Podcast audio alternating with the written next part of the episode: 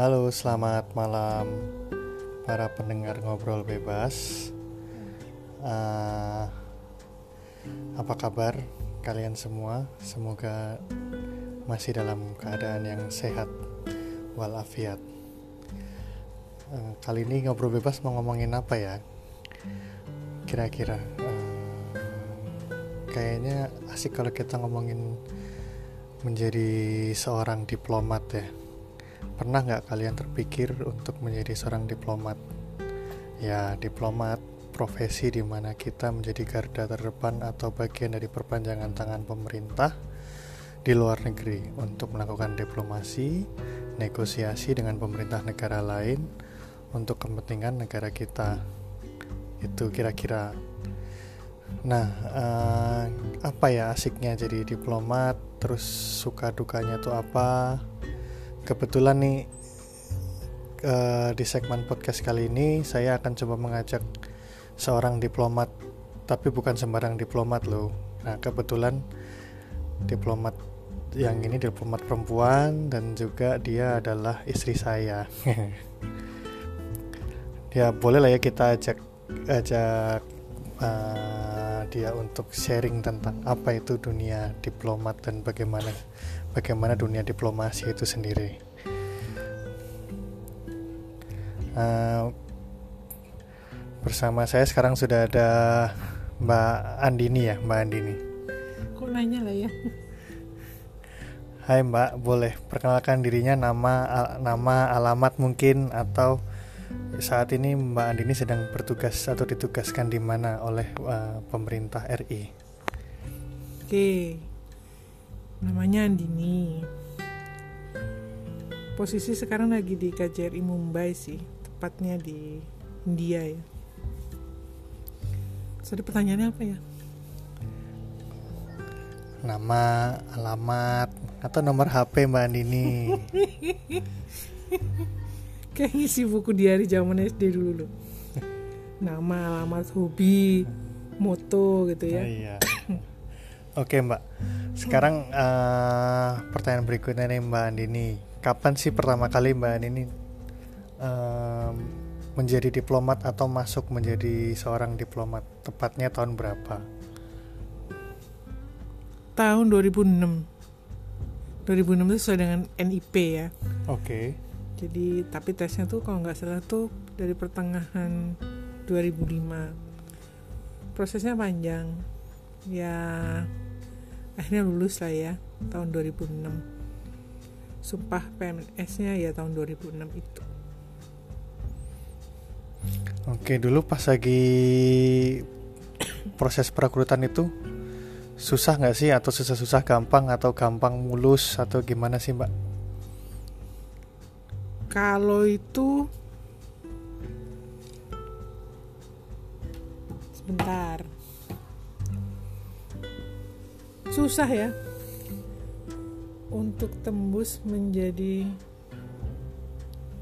diplomat itu susah. Jadi tesnya tuh macam-macam pertanyaannya macam-macam jadi luas gitu. Luas tapi okay. nanti pada saat ujung dari pertanyaan-pertanyaan itu adalah merefleksikan keteguhannya kita gitu. Itu susahnya di situ. Keteguhan itu dalam arti yang gimana mbak? Misal contohnya. Firm. Jadi ketika memang sih katanya dunia diplomatik itu abu-abu ya. Jadi antara iya dan tidak itu ya gitulah pokoknya abu-abu. Tapi kita tetap harus punya sikap posisi kita di mana. Apa yang kita perjuangkan apa yang sedang kita siapkan yang seperti itulah pokoknya.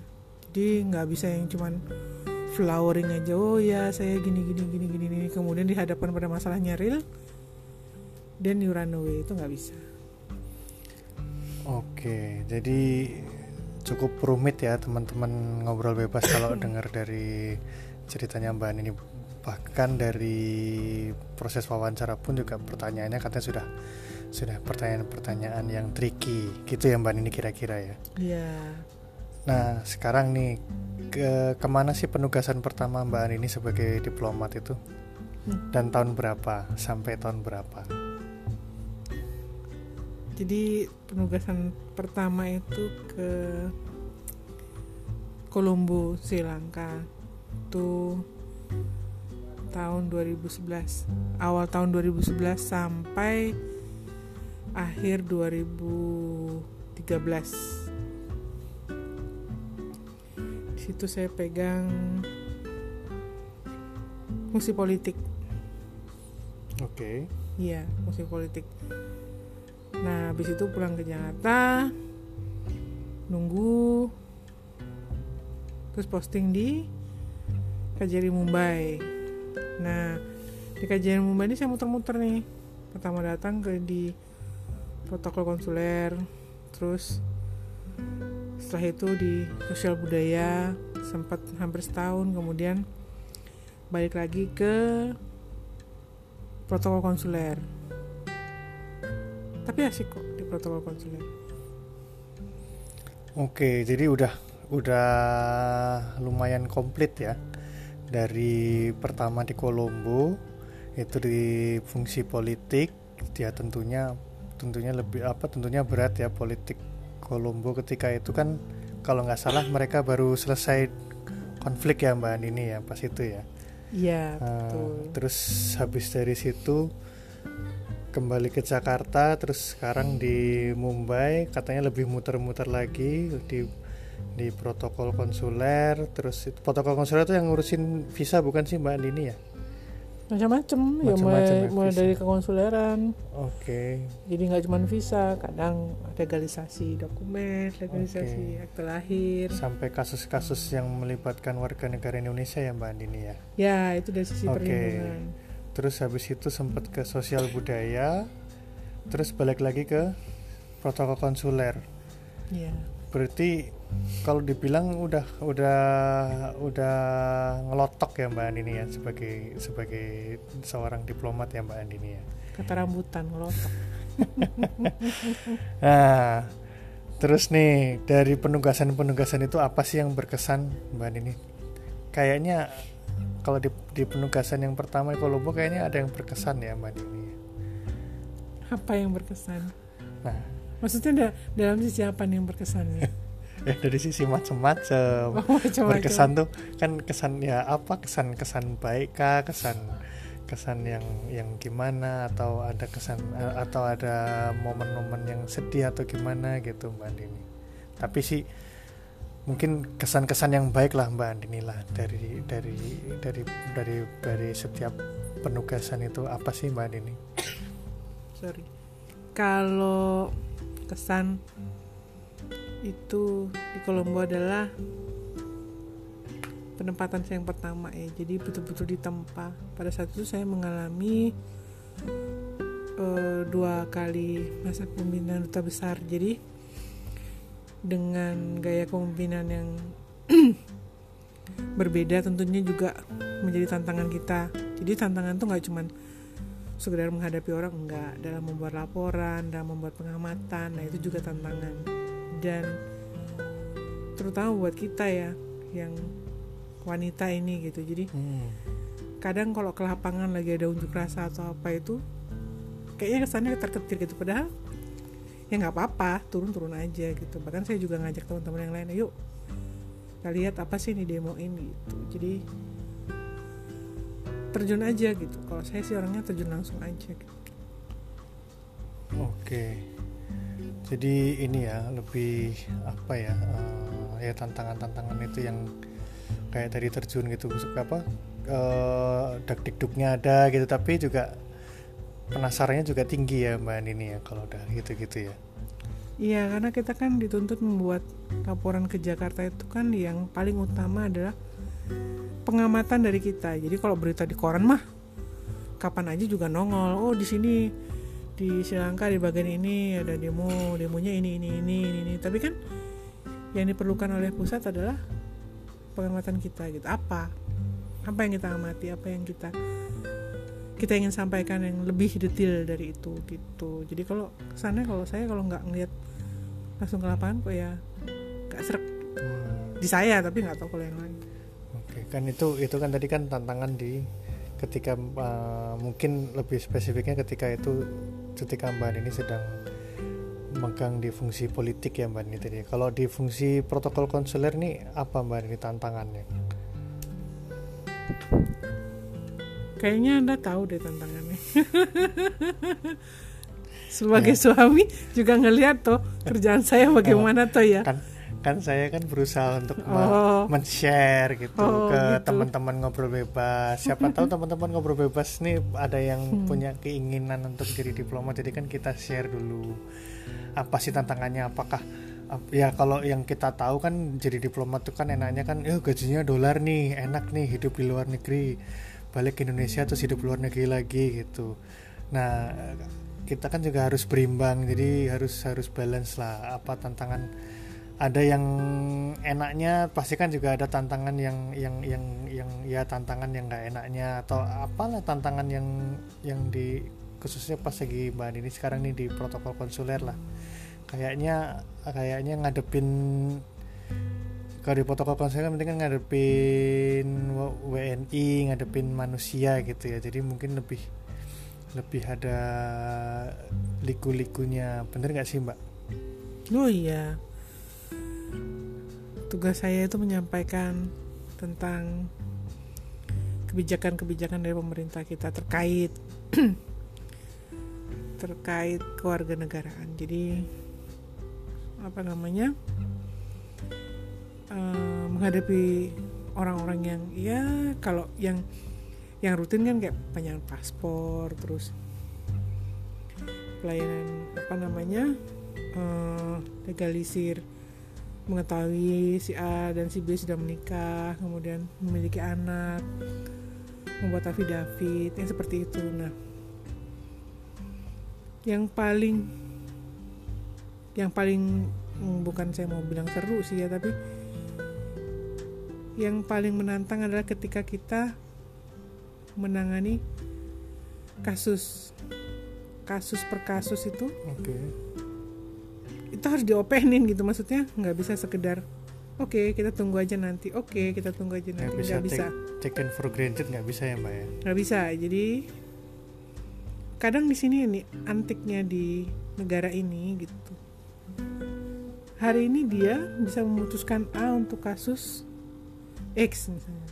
Tapi di kemudian hari mereka bisa memutuskan B untuk kasus yang sama gitu. Jadi jadi berbeda tempat aja sudah berbeda ininya gitu. Jadi ya yang hal-hal seperti itu. Kemudian apa namanya memikirkan apa yang harus kita lakukan apa yang harus kita kejar gitu. Apa step by step apa yang harus kita siapkan gitu. Strategi apa yang perlu kita buat. Dan bagaimana menyampaikan kepada yang bersangkutan dan bagaimana menyampaikan kepada keluarga yang bersangkutan. Semisal terjadi permasalahan di sini tapi keluarganya ada di Indonesia. Gitu. Oke, oke. Jadi menyampaikan kalau yang itu tuh menyampaikan ke keluarga yang bersangkutan dengan tidak membuat resah dan cemas keluarga yang ada di Indonesia gitu ya Mbak Andini. ya? nah itu Oke, dan itu pasti sulit ya Mbak Andini cari mencari kata-katanya, kalimatnya gitu ya Mbak Andini. ya. kira-kiranya demikian Kira-kiranya kayak semalaman gitu ya, nggak tidur gitu ya Mbak Andini. ya. Kan jangan saya dibuka jangan dibuka anu apa namanya Eh, ya ya ya, itulah. Ya. Nah sekarang nih denger-denger kan kemarin belum lama kan Mbak Andin ini eh, habis nerima award nih teman-teman ngobrol bebas nih award namanya kalau nggak salah Hasan Wirayuda Perlindungan Award dari Kementerian Luar Negeri untuk eh, kategori staf perwakilan gitu. Nah itu eh, tentang apa sih Mbak Andin ini penghargaan itu dan eh, bisa ceritain gak sih itu eh, Mbak Andin itu bisa dapat award itu karena apa gitu. apa yang sudah dilakukan oleh Mbak Andini gitu sehingga bisa bisa di, di dianugerahi penghargaan tersebut. Beyond our duty. Oke. Motonya itu beyond our duty. Jadi seperti saya misalnya seorang diplomat wanita kemudian pada saat itu sedang menangani kasus terkait uh, eh, ABK ya di satu daerah. Itu cukup jauh. Setelah penerbangan dua jam kemudian masih melakukan perjalanan darat lagi lima jam. Kemudian menuju ke daerah kapalnya masih satu setengah jam lagi. Nah hal, -hal seperti itu di kita kita lakukan. Tidak memandang waktu sampai tengah malam kita tetap briefing dulu. Tengah malam kita briefing. Belum lagi harus laporan ke Jakarta. Belum lagi harus laporan ke pimpinan yang ada di sini. Belum lagi menerima uh, WhatsApp dari pihak keluarga. Belum lagi menenangkan pihak keluarga. Belum lagi menenangkan rekan-rekan atau kawan-kawan kita yang ada di atas kapal. Jadi ekstra memang. Itu ekstra dan makan waktu bagaimana kita negosiasi, bagaimana kita menyampaikan posisi kita, bagaimana kita berupaya supaya gimana gitu. Untuk membantu mereka itu gimana gitu. Nah hmm, okay. dari usaha-usaha itu tentunya dilihat. Pada saat itu saya nggak saya nggak saya nggak berpikir tentang macam-macam. Tahu-tahu ya dapat kabar bahwa eh masuk gitu. Ya alhamdulillah sih maksudnya. Ya. ya maksudnya berarti jerih payah kita tuh pasti akan ada hasilnya, hasilnya. jadi nggak cuma dolar doang gitu.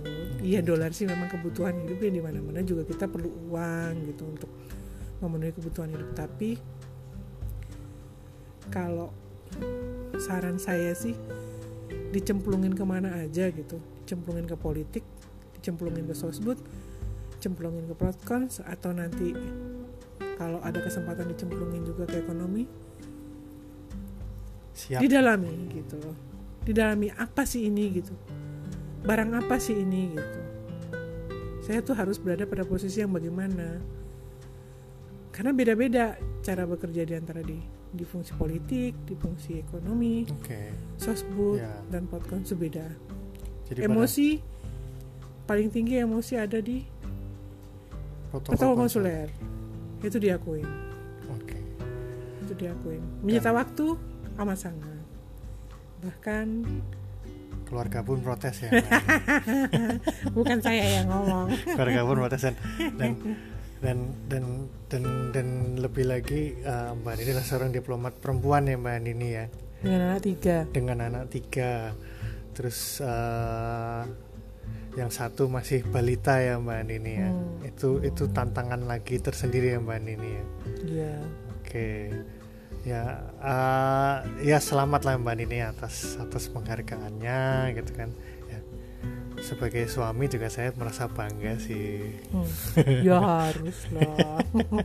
nah, sekarang nih Mbak Nini nih kan uh, kayak tadi saya bilang tuh mungkin kan ada teman-teman ngobrol bebas yang punya cita-cita jadi diplomat atau ya ini kan nanti siapa tahu ada pembukaan apa uh, penerimaan CPNS lagi di Kemlu terus berminat untuk daftar jadi diplomat. Nah itu punya saran atau apa gitu untuk untuk untuk teman-teman ngobrol bebas ini Mbak Andini?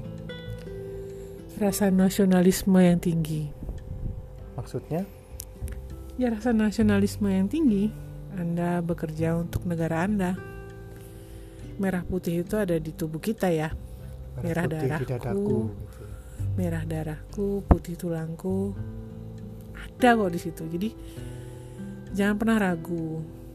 Dan ketika menghadapi suatu apa ya ibaratnya tuh pekerjaan kayak contohnya di protokol konsuler misalnya di bagian perlindungan itu jangan jangan menyerah gitu jangan menyerah gitu jangan pernah berpikir wah capek wah ini wah itu enggak maju terus.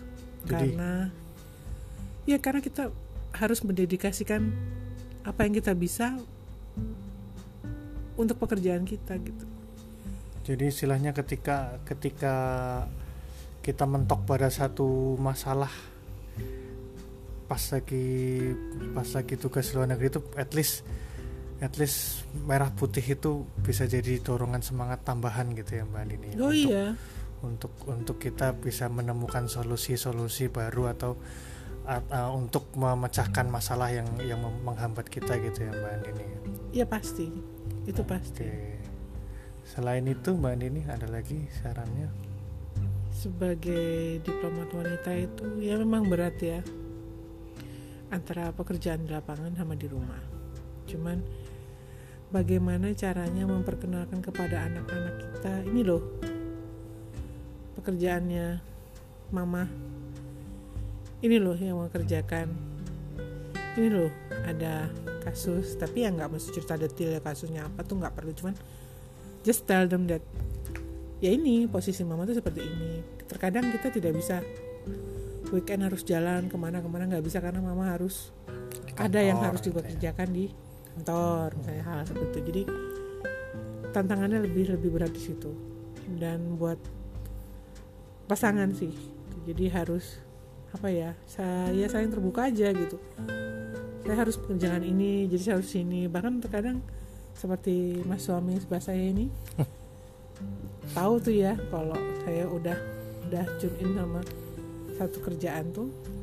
Iya. ya gitu deh pokoknya. Ya ujuk-ujuk datang bawa box gitu ransum gitu oh seneng banget itu cuman ya itu tadi pokoknya berat untuk menjadi Ya. diplomat wanita emang cukup berat cuman kalau bisa menjalaninya dengan ikhlas pasti bisa Insya Allah ya Mbak Andini. Jadi eh, usaha tidak pernah mengkhianati hasil ya Mbak Andini ya. iya Oke. Oke, terima kasih Mbak Andini atas ngobrol bebasnya, ngobrol-ngobrolnya, sharing-sharingnya sebagai seorang diplomat. Semoga eh, Mbak Andini dilancarkan di ini kayaknya udah mau akhir-akhir masa penugasan ya Mbak Andini ya. ya insya Allah Oke. sampai Iya, akhir nanti- Agustus akhir Agustus nanti kami berdua nanti insya Allah sudah akan pulang kembali ke Indonesia. Jadi semoga nanti semua urusan dilancarkan ya Mbak Andini ya. Amin. Amin. Oke kira-kira begitu teman-teman ngobrol bebas. Jadi eh, ternyata nggak nggak nggak cuma enak aja ya teman-teman ngobrol bebas ya jadi diplomat itu. Karena kita kan tahunya kan tadinya kan wah enak tuh jadi diplomat tuh gajinya dolar tuh hidupnya di luar negeri. Pulang-pulang ke Indonesia cuma tinggal beli tanah apa beli rumah rumahnya di mana-mana beli mobil yang bagus-bagus. Tapi ternyata ternyata semata-mata nggak nggak nggak cuma enak ternyata di di luar negeri pun eh tantangan itu lebih besar dan dan dan seorang diplomat itu lebih berjibaku ketika di luar negeri.